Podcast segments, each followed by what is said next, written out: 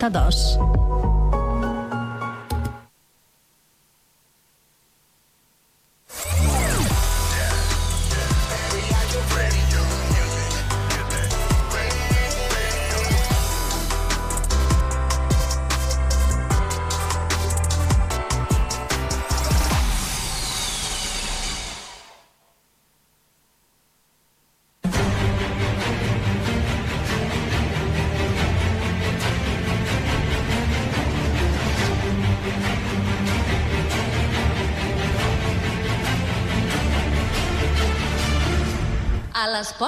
Troia, amb Alberto Reche, Sergio Rodríguez i Albert Abril.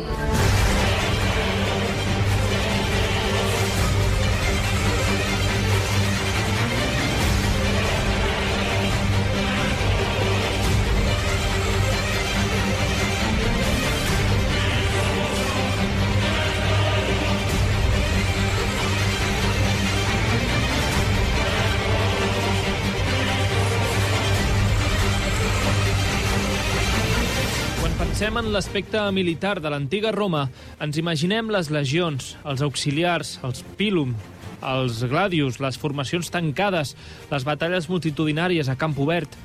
Projectem un imperi terrestre. No obstant això, per crear i mantenir un imperi mediterrani era imprescindible un element que tendim a obviar, l'armada.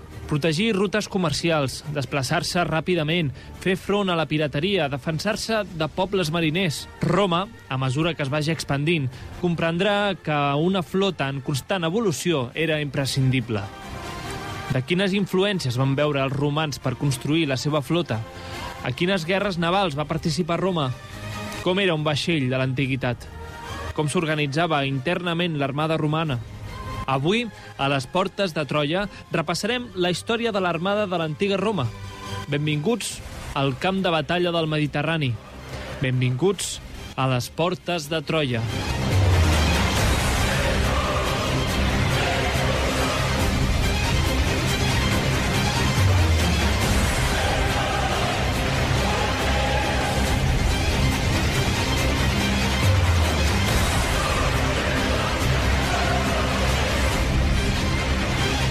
Benvingudes i benvinguts una setmana més a les Portes de Troia, el programa de ràdio d'història de la xarxa de comunicació local, emetent des dels estudis de Ràdio Castellar i per totes eh, les ràdios de la xarxa que, que així ens posen a les seves graelles. Nosaltres també estem en format podcast i ens podeu escoltar a través de i Spotify. Avui programa 390, per parlar de l'armada de l'antiga Roma i ho fem amb el nostre historiador de capçalera, Albert Abril, benvingut. Hola, com anem? I avui ens acompanya el també historiador Adrià Hernando. Benvingut, Adrià. Hola, torno aquí. Adrià, el cinema i el còmic han aconseguit crear-nos una imatge molt concreta del que era fer-se la mar amb Roma. Ben-Hur, Asterix i. Ens ho hem d'imaginar ens ho hem d'imaginar així? Vols la resposta curta o la resposta llarga? Primer, la curta per si de cas. No. I la llarga? No, no pas.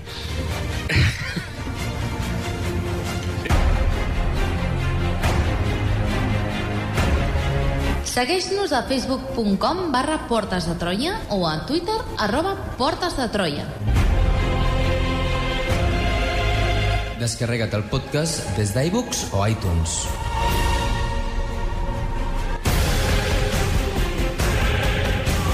I descobreix tots els continguts del programa a la nostra pàgina web www.portesdetroia.cat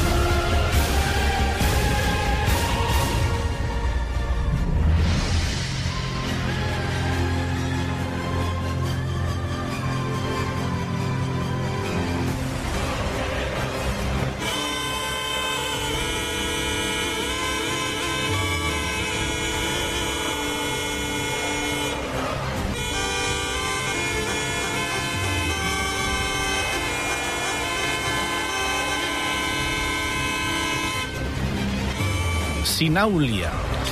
Eh, sí, aquesta cançó crec que es diu Imperium. Uh, trobar música original romana, ja sabeu que a mi m'agrada buscar les cançons així que siguin una mica molt relacionades amb el tema i tal. I trobar música original romana és impossible perquè la codificació de la música era absolutament diferent de la nostra. però eh, he trobat un parell de grups que fan recreació o aproximació a aquesta música romana. Avui porto, les peces que porto són de, de Sinàuria, que és un d'aquests grups, i si anem bé de temps us explicaré una miqueta durant el programa d'avui eh, què fan aquest grup i si no, doncs un altre programa que fem sobre Roma i així prometo otro programa, ja està. Ala, ja t'has embarcat. Aquí, No hem passat, no hem passat ni la pàgina 1 del guió. I ja he prometido. Ja t'has ja t'has pujat al trireme i ja t'has vinga, embarcat. ua, vinga, ja està, vale? i si no puc avui, doncs un altre dia. No, molt bé, doncs comencem el programa d'avui comentant un titular que sempre s'ha atribuït als romans. Eh, A Roma, tant a la República com a l'Imperi, era un poble terrestre amb, amb la mirada poc posada al mar. És correcte aquest titular? A veure, a mitges. Eh, sempre ha estat un poble terrestre, això sí, no obstant, ja a la Primera Guerra Púnica es veuen obligats a desenvolupar una flota per poder combatre Cartago. I tot i així, tot i que la Primera Guerra Púnica ja comencen a ficar-se a la mar, no serà fins al temps d'August que aquesta flota tindrà una importància real als assumptes de l'estat romà. Sense la seva flota, Roma no podrà protegir les rutes comercials que proporcionaven gra a la ciutat. En els períodes de la història en què Roma no va disposar de flota, l'ombra de la fam sempre va amenaçar la ciutat. Durant el Baix Imperi, eh, quan a poc a poc la flota va anar desapareixent, i això ja ho veurem, ho veurem més endavant, tornarà aquesta fam. La incertesa i la inseguretat que desembocarà també en, en, en saquejos a la ciutat i contribuirà a la caiguda de l'imperi romà d'Occident.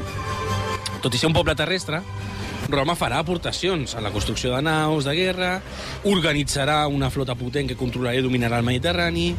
Avui, sobretot, ens centrarem en, en, en el que és l'arma de guerra, ja que no van disposar mai del que nosaltres anomenem avui dia una marina mercant pròpia.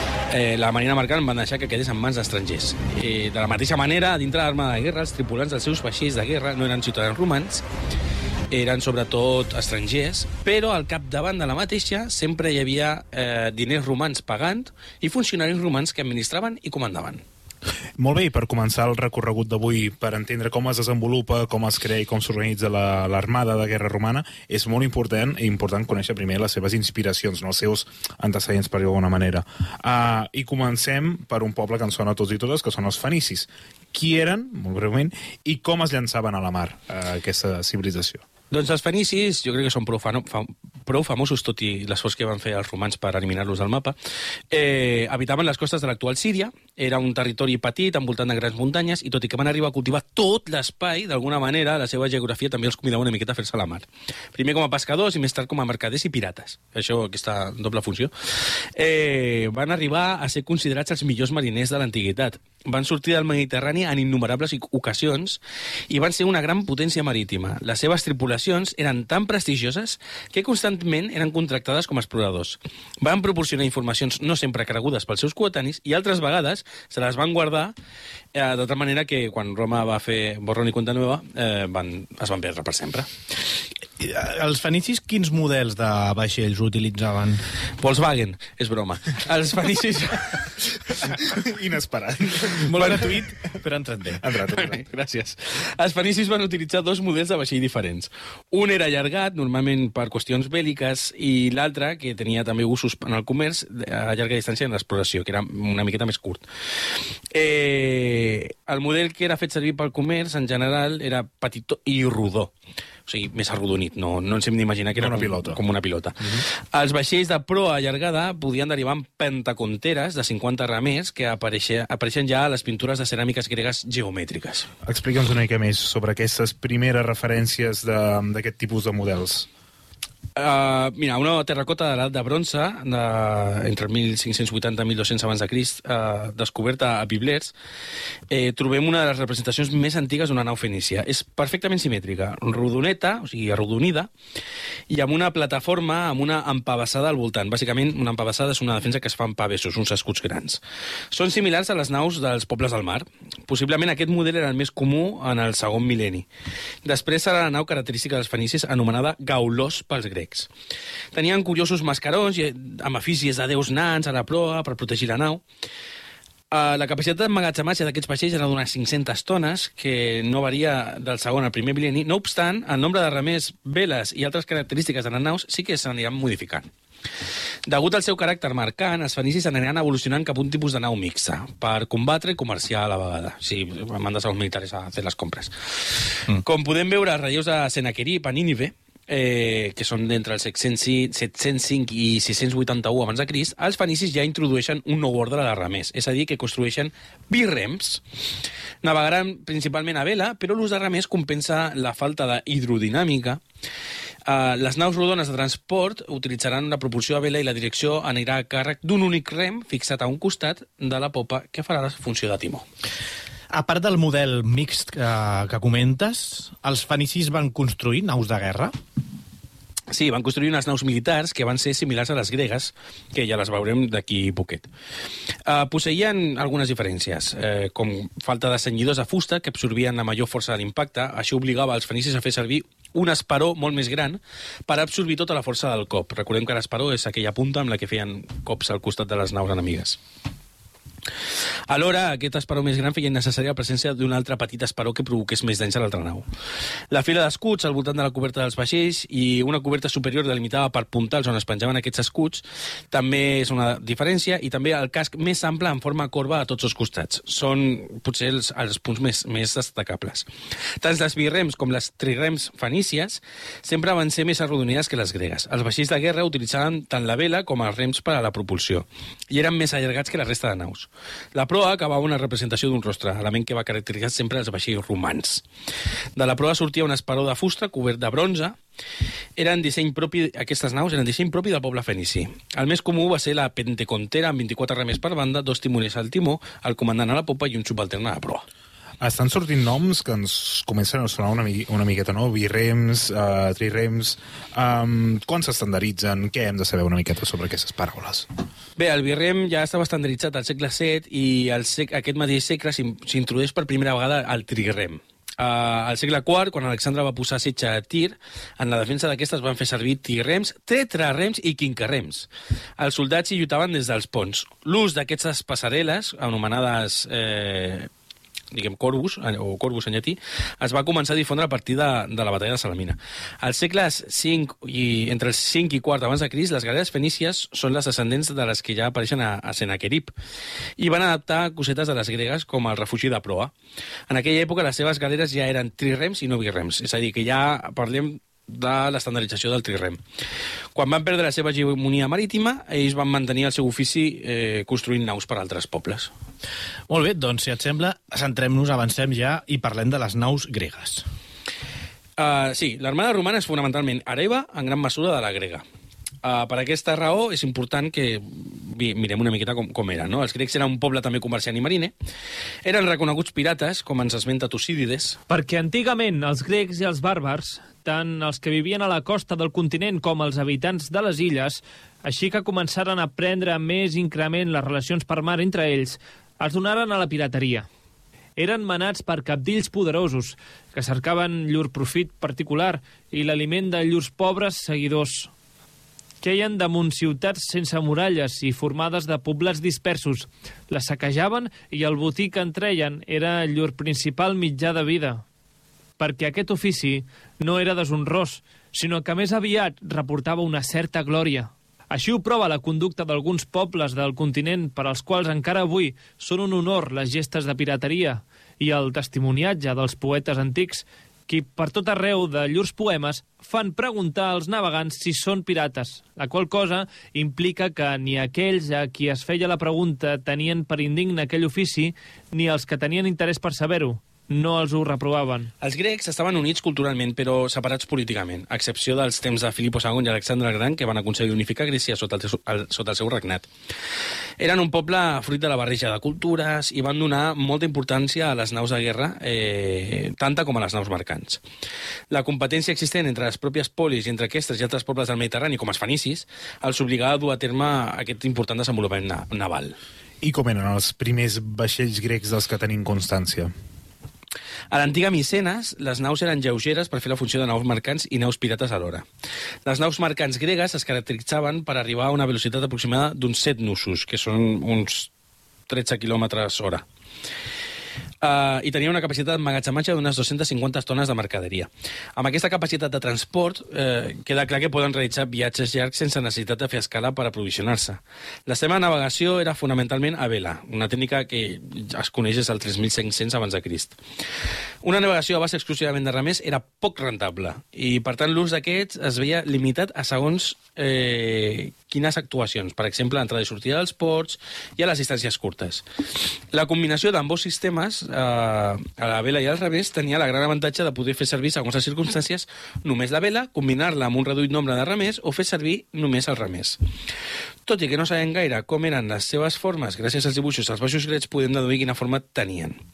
Aquests vaixells dibuixaven una figura gràcil amb línies supèrbies agregant un arc a la proa. A la popa, perdó. Però veure, aquesta no és la nau grega que tots tenim en ment. Quin va ser el vaixell grec per excel·lència? El vaixell grec, per definició, va ser la galera pentecontera. Ja hem comentat abans, quan parlaven dels fenicis, són uns 50 remers, allargada. No obstant, alguns autors clàssics ens parlen d'una gran capacitat de càrrega, de manera que el número de remers segurament podia arribar a ser superior i pentecontera va acabar més definint un model de nau que no passa el nombre de, de remers. Durant el segle VIII es va alterar amb un nou model de nau, la Birrem, que ja hem comentat també eh, abans. L'any 800 abans de Crist, que va ser quan va aparèixer el primer Cople Esparó, una arma ofensiva situada a la proa de la nau, l'objectiu del qual era dividir en dos a les altres naus mitjançant una embestida. Això donava molta importància a la velocitat i la resistència de les naus, apareixent el concepte d'armada de guerra. Abans de la creació de l'Esparó, les batalles es decidien només per abordatge. Um, per tant, amb l'aparició de l'Esperó, sembla que les batalles navals es decidien gràcies, sobretot, a la velocitat. Això afectarà la fisonomia dels, dels vaixells? Efectivament, aquesta necessitat de velocitat, ja sigui per embestir o per fugir, implicava una necessitat de més remers. El paper d'aquests en l'embestida era fonamental, ja que el vent no era capaç de donar la força necessària a la nau per partir el casc d'un altre vaixell. Més remers implicava una nau més llarga, una nau més llarga implicava una nau més vulnerable. Per això va sorgir el birrem, del que estàvem parlant fa un moment, duplicava els remes amb la mateixa eslora, afegint només una nova fila de rems. El primer ordre de rems es trobava a l'alçada de la regala i el segon remava a través d'unes portes obertes per sobre la línia de flotació. El nombre de remes podia variar. Per exemple, si eren 50, podia tractar-se d'una birrem pentecora. Els relleus de Sennacherib són la representació més antigues de les birrems. En els segles 7 i 6 abans de Crist, les birrems eren les reines del mar Mediterrani. I ara ja potser ens toca parlar de la gran obra mestra naval grega, el trirem.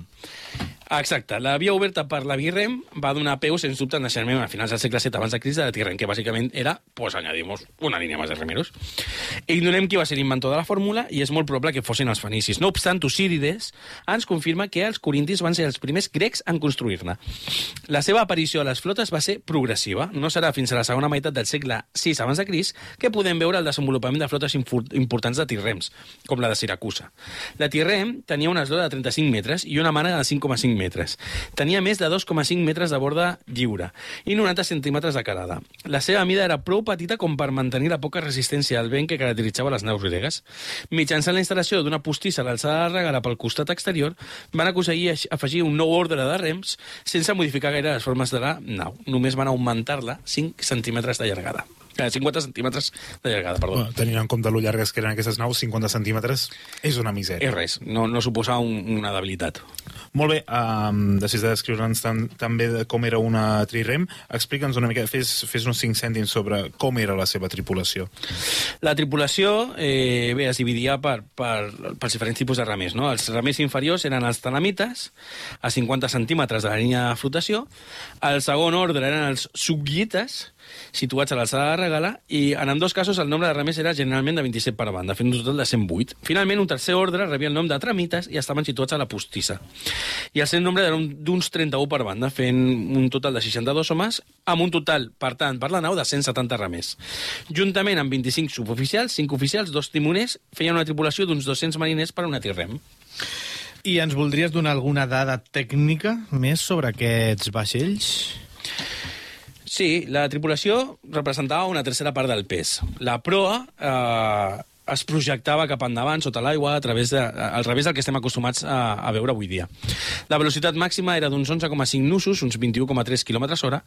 La Tirrem va durar tota l'antiguitat. Sí, Des del moment de la seva aparició fins al final de, del món antic, I, eh, i, aguanta. i, i de fet les, les pròpies galeres no, ja de, de cara més cap a l'edat mitjana estan sempre sent inspirades en, en, en les trirems Absolutament. vull dir, vull dir que dura, durant tota l'antiguitat però és que va molt més enllà en el propi Mediterrani no només a l'edat mitjana sinó per exemple a, grans batalles navals del Mediterrani del segle XVI també s'utilitza, bueno, Podem no és una dir que la galera és l'evolució del trirrem? podríem És la meva aportació de Jo no qualitat la en aquest programa. però- podria- per- per poder podem dir moltes però coses. En Sergio... Ah, bueno, és la meva aportació de merda, ja està. I te l'acceptem i l'apreciem moltíssim. Bé, vam provar també, que ja ho hem comentat abans, el quadrirem i la quinquerrem, i fins i tot de més grans, però la veritat no mostraven grans avantatges respecte a la birrem.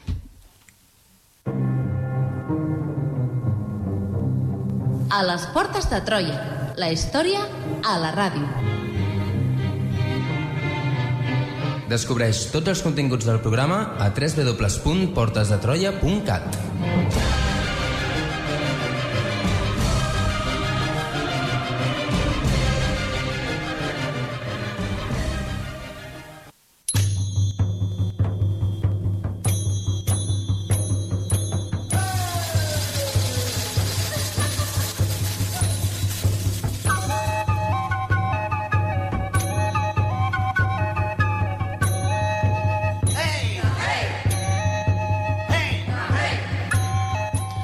Seguim amb aquest repertori musical inspiradíssim en el que hauria ser la música, potser en aquella època, no, Adri? Exactament. Uh, aquesta cançó de Sinaulia, si no m'equivoco, es diu Mare Nostrum. El nom del grup, Sinaulia, amb Y, prové de... Vull dir perquè ho podeu buscar si algú li interessa escoltar més música, tenen els discs, estan a YouTube i aquestes plataformes. Eh, el nom prové del grec, de Sunaulia, que a l'antiga Roma feia referència a un grup d'instruments fonamentalment de vent, i està format, aquest grup, per un equip de músics, arqueòlegs, paleontòlegs i coreògrafs dedicats sobretot a l'aplicació de la seva recerca històrica a la música i dansa, especialment etrusca i romana.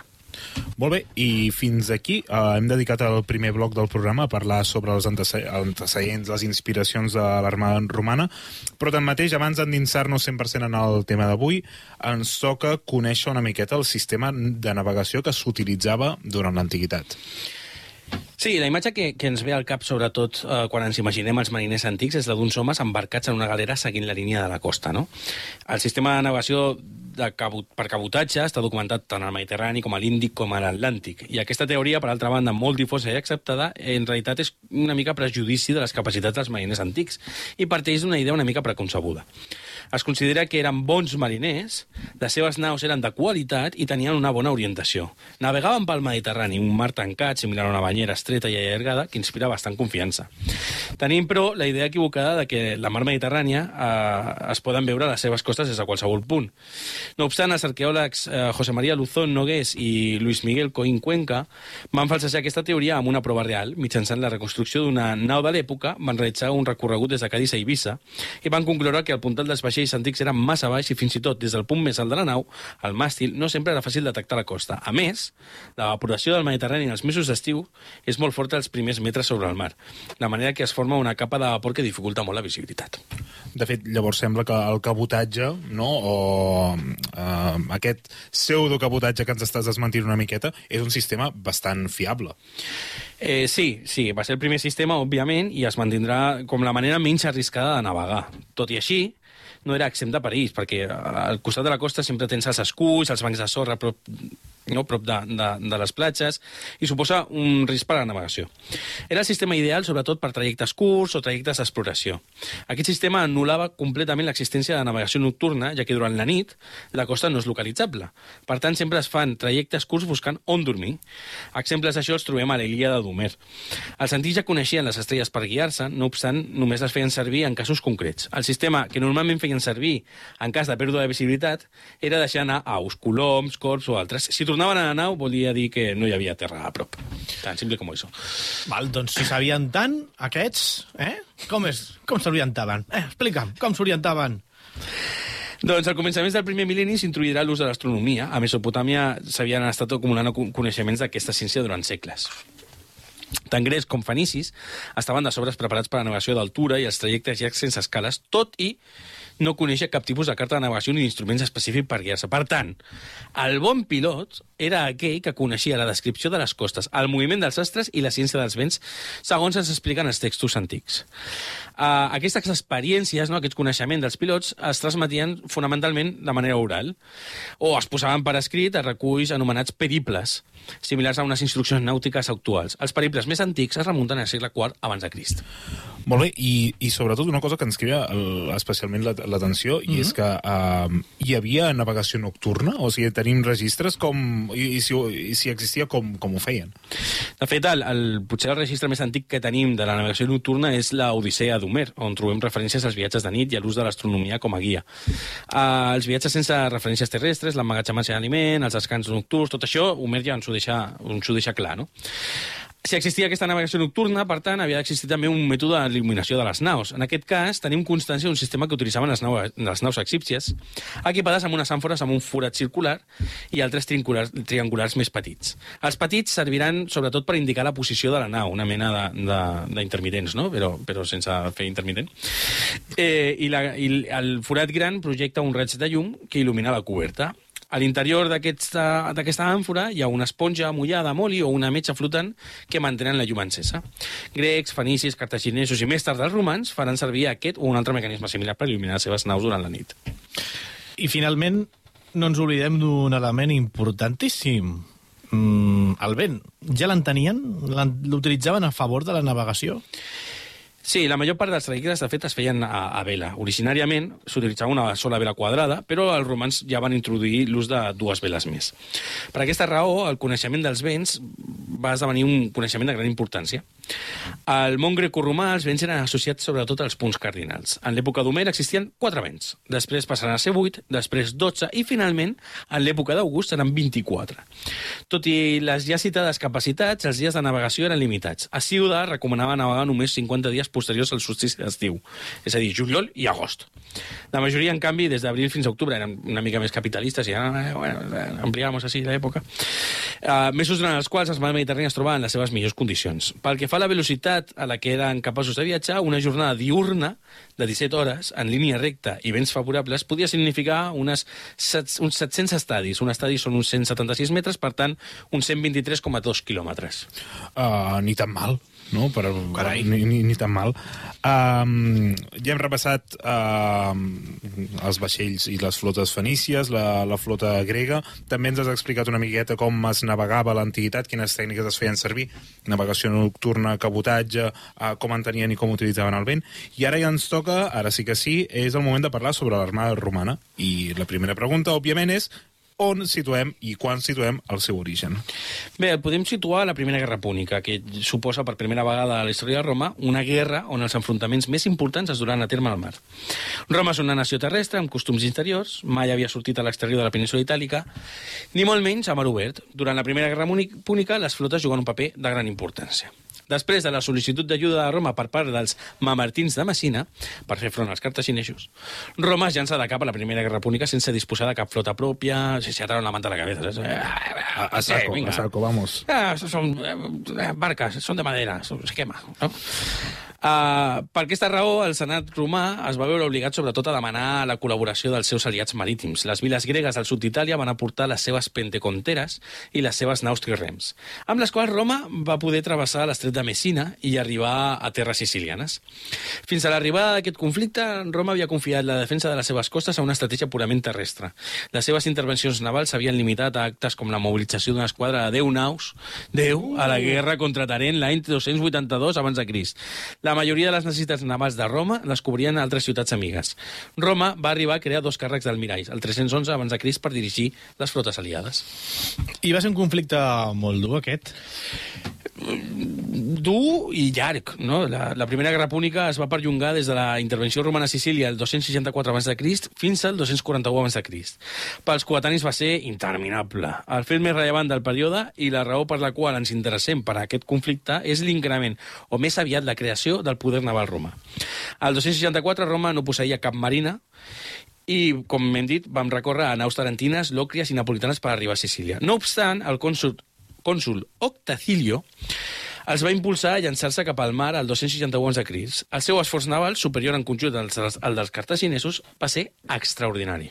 I al vell mig d'aquest conflicte, com es va promoure la creació de, de l'armada?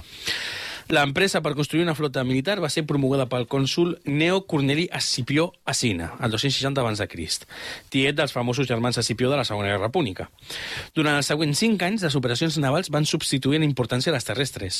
Com a resultat d'aquesta política i aquest esforç, trobem algun, eh, alguns èxits navals eh, romans enfront de la flota cartaginesa, que, per altra banda, era molt superior a la romana. És el cas de la batalla de Miles, per exemple, on cap al 260 abans de Crist aproximadament, els romans van ser capaços de presentar una flota d'unes 115 quinquerrems i unes 20 rems. Polibi narra una història cèlebre que pot contenir una certa realitat. Segons ell, els romans ignoraven com es construïen les quinquerrems i es van veure obligats a copiar la construcció d'una galera cartaginesa de cinc ordres que van trobar encallada a les seves costes. Van entrenar els seus remers a terra. No obstant, la flota romana no era cap meravella i el cònsul Caius Dullius, el 260 abans de Crist, va introduir un nou enginy per poder equiparar la seva flota a la, a la de Cartago. El Corvus, que va permetre obtenir la victòria. Ja ha sortit abans, durant el programa. Sí, però Què, què és això en aquest cas el, el, el Corvus romà és una mica diferent. És una passarel·la mòbil situada a la proa de la nau. Aquesta passarel·la va dotada d'un pes de plom al davant. Quan despleguen la passarel·la, és a dir, la baixen, aquest pes s'enganxa al pont del vaixell enemic, quedant les dues naus un- unides i no podem marxar l'altre vaixell. Uh, D'aquesta manera, els soldats només han de passar per la passarel·la per abordar l'altre vaixell, convertint la batalla naval en una batalla cos a cos, on Roma té l'avantatge. Diguem que crea una espècie d'infanteria marina. És una mica la idea que fan els espanyols a la batalla de Lepanto. Miles va ser la primera batalla on els romans van aconseguir una victòria naval enfront dels cartaginesos. I segons Polibi, la primera vegada que van fer servir el Corvus. És a dir, tenim els romans amb una flota inferior, no? que en comptes de dir, vinga va, anem a crear la millor flota del Mediterrani, diuen, no, doncs, no, no, no, anem a convertir la batalla naval en una batalla terrestre no? a sobre de les naus cartagineses. Um, ja t'has avançat que a partir de la promoció d'aquesta armada um, els romans comencen a, a sobresortir en les batalles navals que en, en la Primera Guerra Púnica van ser imprescindibles per, bueno, per, per dominar el conflicte. Um, com acaba aquesta guerra? Doncs després de la derrota romana a la batalla de Drepano l'any 249 abans de Crist, Roma perd la seva flota i no tornen a l'esforç naval eh, fins l'any 243 abans de Crist. No obstant, el 241, eh, el cònsul Caius Lutatius Catulus va obtenir una victòria naval enfront de la flota cartaginesa a les illes Agetes, les illes Ègades, a l'ús de Sicília.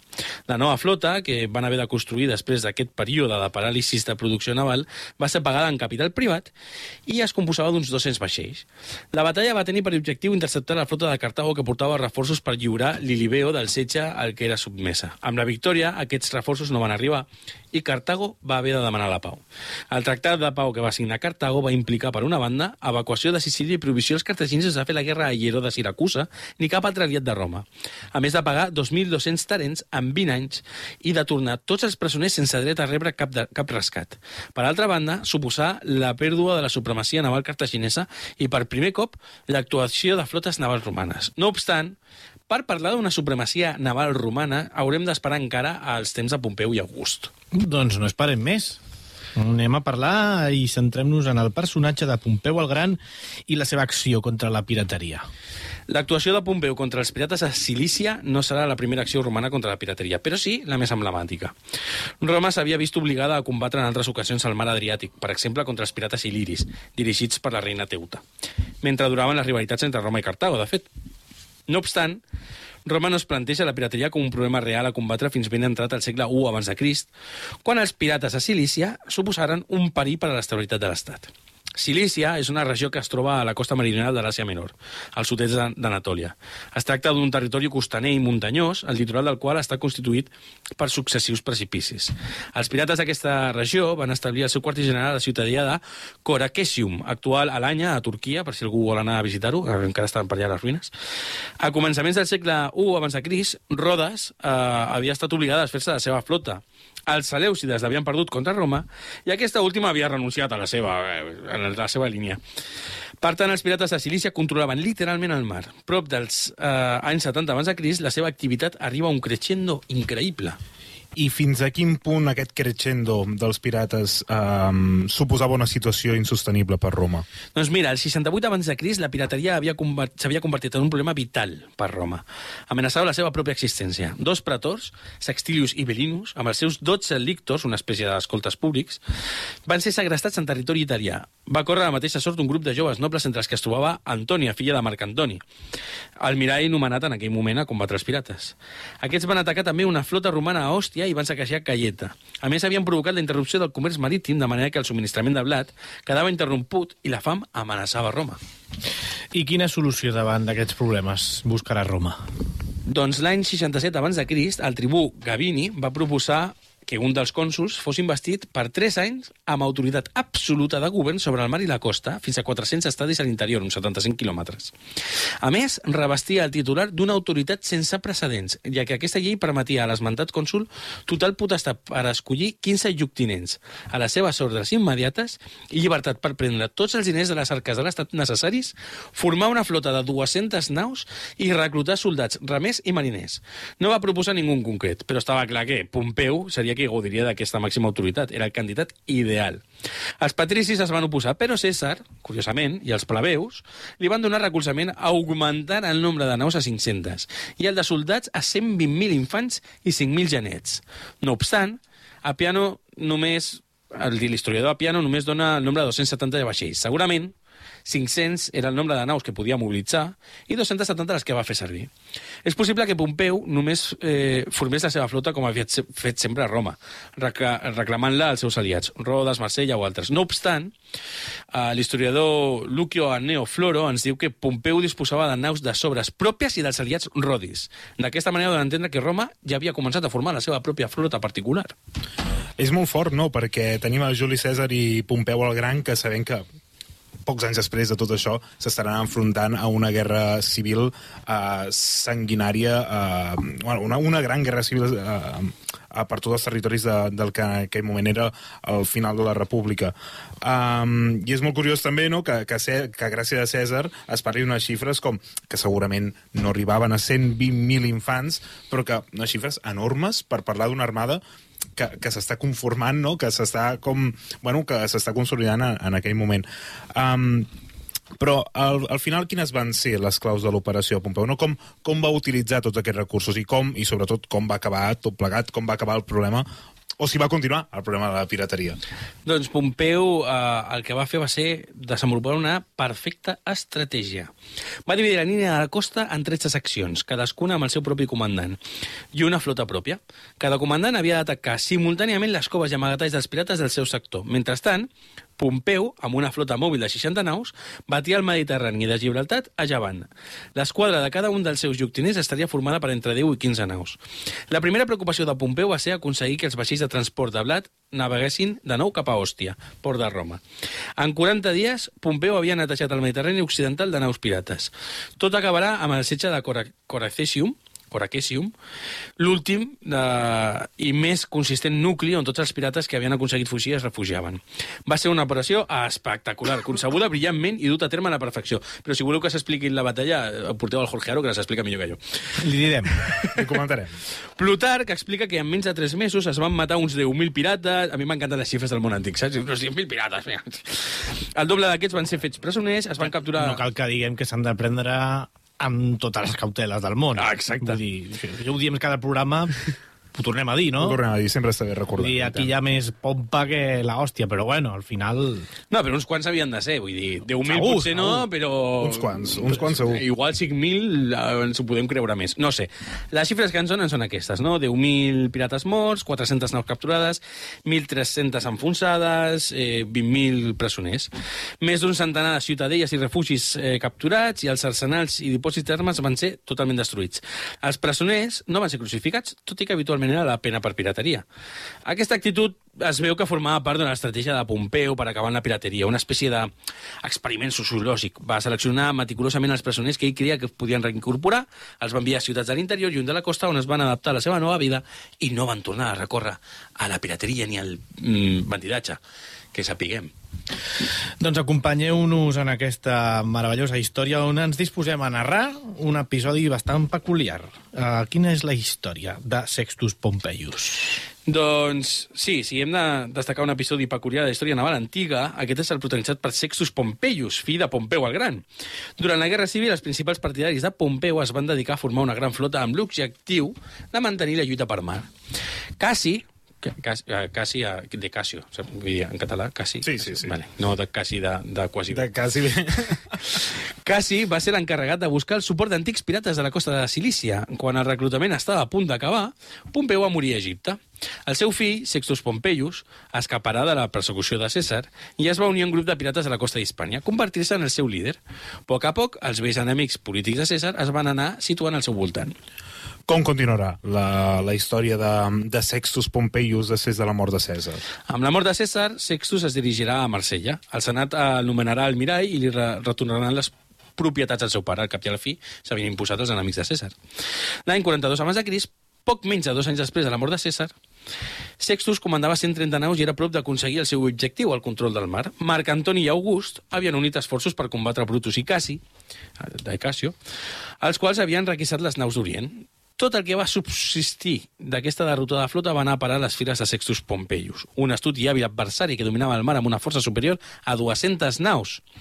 La seva flota es composava d'elements diversos que s'anaren unint al llarg del temps. En origen comprenia vaixells italians que el Senat de Roma havia posat a disposició seva un cop nomenat almirall. Però Bé, la seva flota mai tindrà una mida superior a 400 naus si hi arriba, i encara així les seves naus eren la, la majoria eren les típiques naus lleugeres de pirateria. Això sí, Sextus eh, disposava d'un gran avantatge, que és que les seves tripulacions eren veteranes, molt capaces, fet que el convertien en un temible enemic dels triumvirats. Mm, així, doncs, en Sextus s'acaba de convertir en el terror de Roma. Exactament, es converteix en un perill i aquí controla totes les rutes comercials i provoca l'encariment dels productes impedint l'arribada de les mercaderies. Serà llavors quan els triumvirats decideixen que han d'acabar amb la seva amenaça. L'any 39 abans de Crist començarà el conflicte. Al principi, els triumvirats obtindran una, tota una sèrie de derrotes consecutives. Eh, eh, no típico. L'any 38 abans de Crist, per mitjà de grans taxacions i utilitzant diners propis, August encarregarà a Marco Vipsani Agrip, Agripa, que per mi és un dels millors personatges de l'antiguitat, la creació d'una flota de 370 naus, una força marítima que no s'havia vist fins aleshores. Agripa ja s'havia mostrat com un gran general i ara es mostrarà també com un bon almirall. Aquest home, per tot el que fos fer la guerra, tu el posaves allà i pim, pam, pim, pam, Valia, valia. i sí, valia. En primer lloc, Agripa va buscar eh, un port segur on establir la seva base. A falta d'un de natural, va aconseguir crear-ne un mitjançant la unió dels llacs d'Avern i Lucrino al nord de Nàpols. Allà passarà l'hivern entrenant els reclutes rig- rigorosament. No obstant, els seus homes eren encara principiants i s'havien d'enfrontar amb els homes de Sextus, els quals estaven excepcionalment preparats. Amb les seves naus passades, Agripa no tenia possibilitat de colpejar les lleugeres i ràpides naus de l'enemic. L'única sortida que quedava era l'abordatge, però també suposava un greu problema, perquè les altres naus eren més ràpides. Això ho resoldrà amb una nova arma. Les seves naus eren prou grans com per poder portar catapultes. Va introduir a les naus unes catapultes de tipus ballesta, però en comptes d'una llança amb una punta totalment aguda, va fer servir llances amb una punta de ganxo. Era un aparell molt enginyós, no només assolia una distància molt major que el ganxo llançat a mà, sinó que resultava més difícil per a l'enemic lliurar-se'n, ja que no havia de tallar una corda relativament fina, sinó un robust pal de fusta. Al setembre del 36 abans de Crist, després d'alguns preliminars, les dues grans flotes, que en total sumaven unes 600 naus, es van trobar a Naulòquia, a la costa septentrional de Sicília. La batalla va ser dura i incerta, però els garfis d'Agripa van resultar la millor arma. Amb aquesta victòria, Agripa, tots els projectes i ambicions de Sextus van morir juntament amb la seva flota. A les portes de Troia. Descobreix la teva història.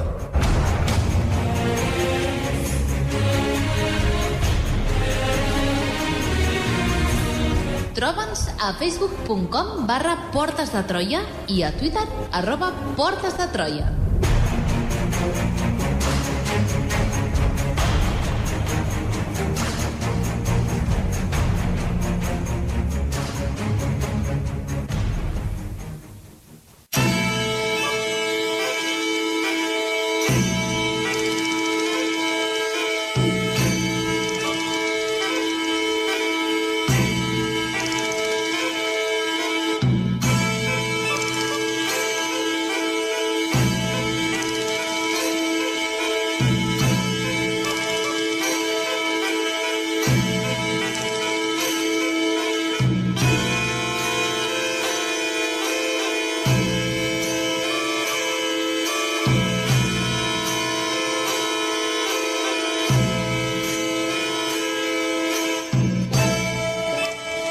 Recta final del Troia d'avui i tercera cançó de Sinalium.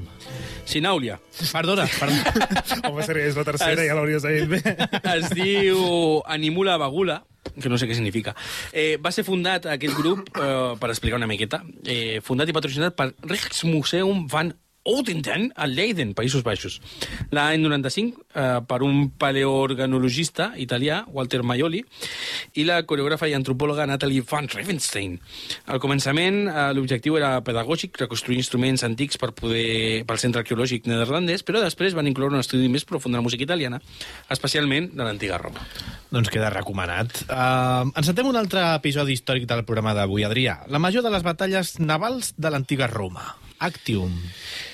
Doncs sí, set anys més tard de la batalla de Naulòquia eh, es dirimien les diferències entre Marc Antoni i August. L'acte final d'aquest conflicte, oficialment entre Roma i l'egípcia Cleopatra, es jugaria al mar, a Actium, actual Accio, a l'oest de Grècia, i Golf d'Arta. Allà, la flota d'August, jo dic el, el, el lloc actual per si algú vol anar a fer turisme, eh? Allà la flota d'August es Tant trobarà... de, tant de bo. Està bé. es trobarà amb la flota de Marc Antoni al setembre del 31 de Crist. La flota de Marc Antoni es presenta com l'última de les grans flotes hel·lenístiques. Enfront d'aquesta flota s'imposarà la d'Octavi, comandada novament per Marco, Vipsan i Agrippa. Si algo funciona, no lo canvies.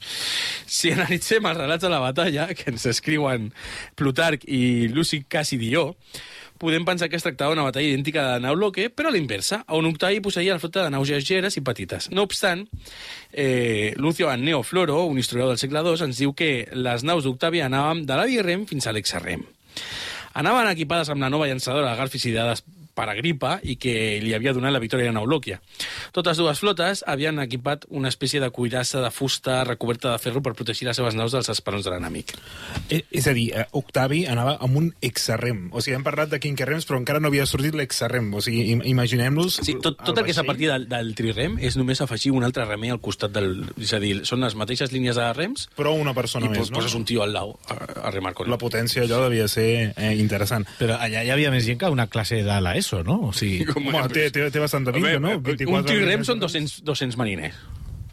Si tinguéssim, si, si tinguéssim classes de 200 alumnes, no sé. segons el nostre estimat conseller, això no passa. No. no diguis mentides. Perdó. No tenim, no, No. tenim ràtios altes. No, no diguis mentides. No dic mentides, perdó. Um, per dir veritats, no, uh, ens centrem en com acaba la batalla d'Actium. De fet, no ens hi entretindrem gaire, perquè és una batalla interessantíssima i potser valdria la pena dedicar-hi més estona, no? Uh, això, com acaba la batalla i, sobretot, quines van ser les conseqüències. No prometré cap programa sobre la batalla d'Actium. No, ja No, no, no, no, ja no- ja no Deixem a l'Aro també? Sí, home, les batalles se li donen bé a l'Aro, les, les explica molt bé. Vinga, m'ho apunto. Ara li escric un missatge, va. molt. Escriu Actium i la Naulòquia i... Ell, ell content. Vinga, li diré. Va, pel que fa a la... Si vols, un dia parlo amb ell a veure si fem un programa conjunt. Això estaria oh, molt bé. epa, què és això? Què- Això què estaria molt bé. Crossover, crossover. Cro- Crossover, eh? Dos convidats aquí, pam. Eh, bé, pel que fa a la batalla, les forces d'August van llançar-se contra les de Marc Antoni i Cleopatra a Actium, prop de l'estreta Corin, amb la fugida de Cleopatra seguida de 40 naus i la de Marc Antoni en 60 naus més, la batalla li van regalar gripa. El destí del món romà es va jugar i decidir a Actium, al mar, i aquesta va ser una lliçó que August no va oblidar mai a la vida. S'havia inaugurat l'època de l'imperi al mar, i aquesta nova supremacia naval s'allargaria com a mínim 250 anys. Per conservar allò que acabàvem de conquerir, August va crear una flota completa ben organitzada que es va mantenir durant els dos segles posteriors per part dels seus successors. Després de la batalla d'Actium, August posseirà unes 750 naus, incloent-hi les restes de la flota del reutat Marc Antoni.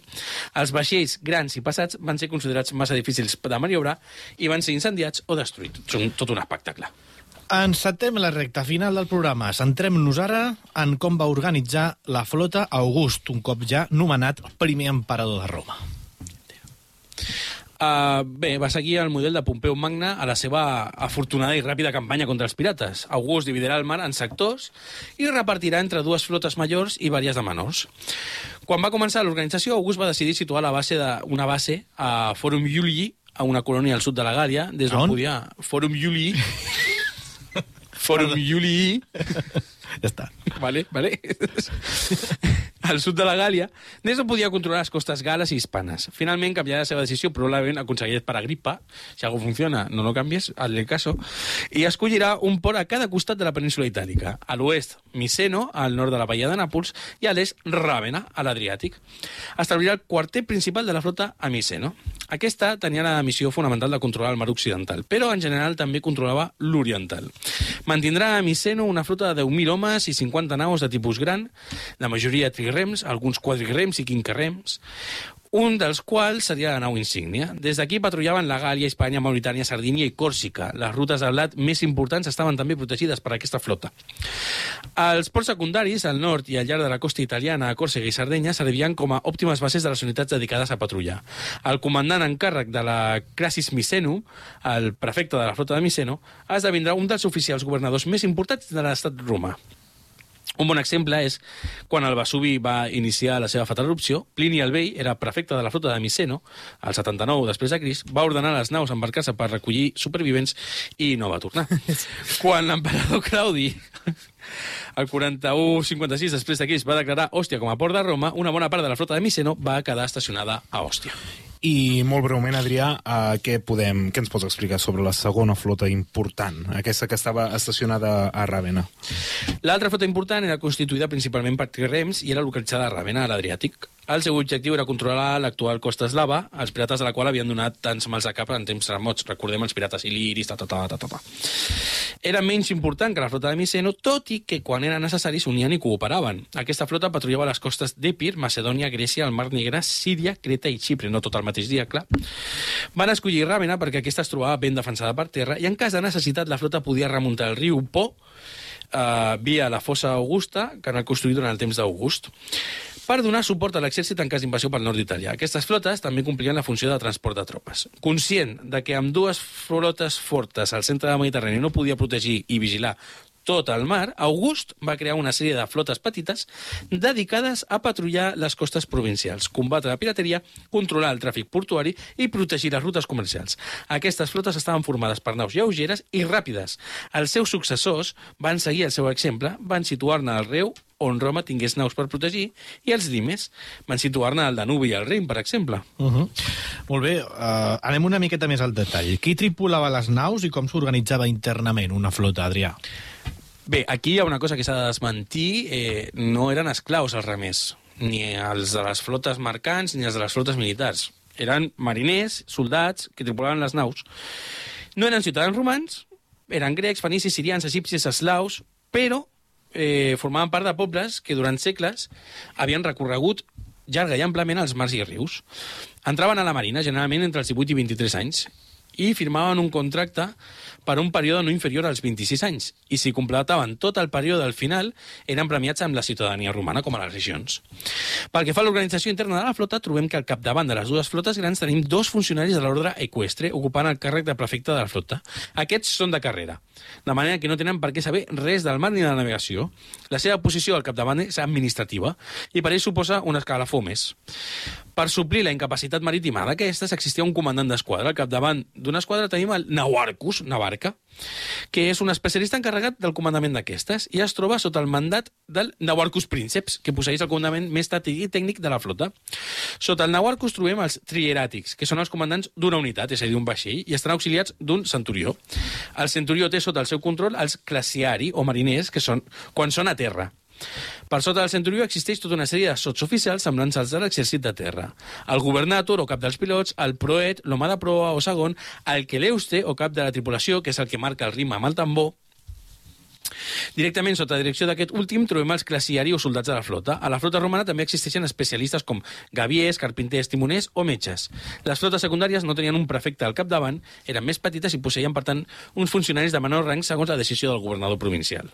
Molt bé, i ja per eh, anar tancant aquest programa interessantíssim de, sobre la flota de l'antiga Roma, eh, ens toca explicar quin va ser el final, no? Sabem que en Marc Aureli va començar a veure els primers símptomes de la decadència i caiguda de, de l'imperi romà, tot es va decidir a la Limes, entre moltes altres causes es va deixar invertir uh, esforços i diners en, en la flota, sabent que molts emperadors van fer esforços per intentar reactivar, fer sobreviure la flota com, uh, la flota com per exemple uh, Dioclesià, però ens consta, ens consta i és obligat parlar d'un any clau per la decadència de la flota, que és el, el 395, quan l'imperi romà queda def, definitivament dividit per l'emperador, eh, després de la mort de l'emperador Teodosi. Sí, l'any 395 després de Crist, l'imperi es divideix en dos. La major part de les naus de guerra es queden a la part oriental, convertint-se en un dels factors de la llarga resistència bizantina. No obstant, això deixa via lliure als vàndals que s'apoderen del nord d'Àfrica, Còrsega, Sardenya i altres illes estratègiques, convertint-se en una amenaça per a Roma ja que aquesta es quedava sense el seu subministrament de gra. L'any 450 després de Crist es donaran saquejos a Roma. La situació és pitjor que a l'època dels pirates a Cilícia. Quan Genserico, cap dels vàndals, mor, sorgeix gradualment una nova flota que restablirà l'ordre al, al mar. El mèrit d'aquesta nova flota que restableix l'ordre al mar prové dels pobles de tradició antigua marinera, els grecs del Mediterrani Oriental, per exemple. Com ja he dit, un dels factors fonamentals de la resistència de Bizanci serà aquesta flota. No obstant, aquesta és una altra història que ara mateix no ens afecta i jo no m'hi fico perquè ja és història medieval. Doncs déu nhi per no ser Roma un poble orientat al mar, no? Déu-n'hi-do. déu nhi Fins aquí aquest interessantíssim programa sobre l'armada romana amb l'Adrià Hernando. Moltíssimes gràcies per tornar a ser aquí amb nosaltres. Gràcies a vosaltres per permetre'm venir aquí i soltar mi rollo. L'Albert Abril, moltíssimes gràcies. Moltes gràcies a vosaltres. L'Adrià Tirado, el control tècnic, i qui us parla, Sergio Rodríguez. Ah, i també en eh, Carlos Lecegui a les narracions. Eh, nosaltres us esperem la pròxima setmana amb un nou episodi de Les Portes de Troia.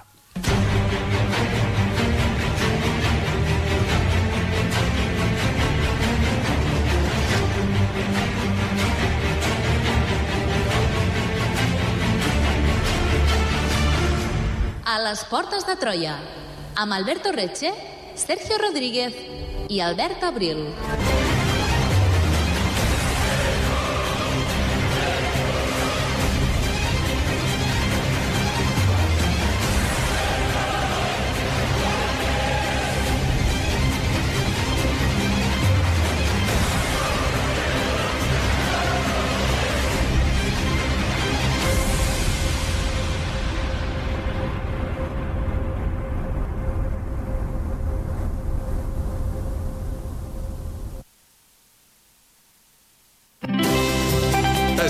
Ràdio Seu on i quan vulguis. Entra a l'apartat de ràdio a la carta de la nostra pàgina web i tria allò que més t'interessa de la nostra programació. Els informatius, les entrevistes, els programes musicals, culturals i esportius, la programació especial... On i quan vulguis, Ràdio Seu. A la carta des de la nostra pàgina web radioseu.cat.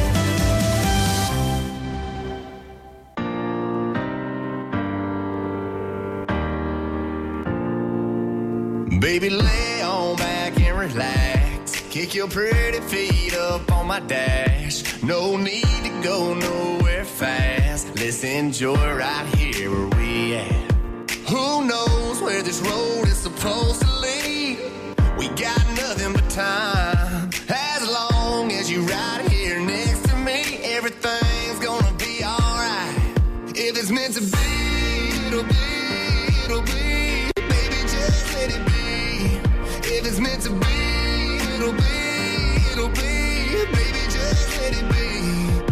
So won't you ride with me, ride with me, see where this thing goes. If it's meant to be, it'll be, it'll be. Baby, if it's meant to be. I don't mean to be so uptight, but my heart's been hurt a couple times by a couple guys that didn't treat me right. I ain't gonna lie, I ain't gonna lie. Cause I'm tired of the fake love. Show me what you're made of. Boy, make me believe. Whoa, hold up, girl, don't you know you're beautiful? And it's easy to see. If it's meant to be, it'll be, it'll be. Baby, just let it be. If it's meant to be, It'll be, it'll be. Baby, just let it be. So won't you ride with me, ride it's meant to be, it'll be, it'll be. Baby, if it's meant to be. So come on, ride with me, ride with me, see where this thing goes. So come on, ride with me, ride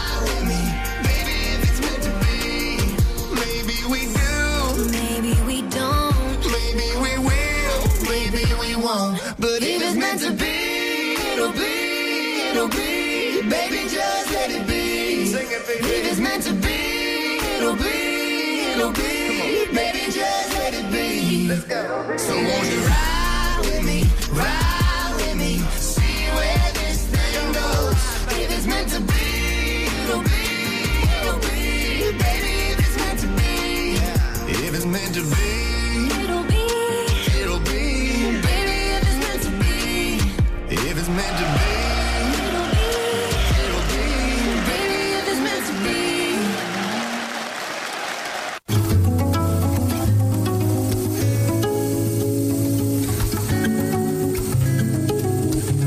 Ràdio Seu FM dona per finalitzada la seva missió en el dia d'avui. Agraïm la teva escolta. A continuació, et deixem amb Catalunya Ràdio.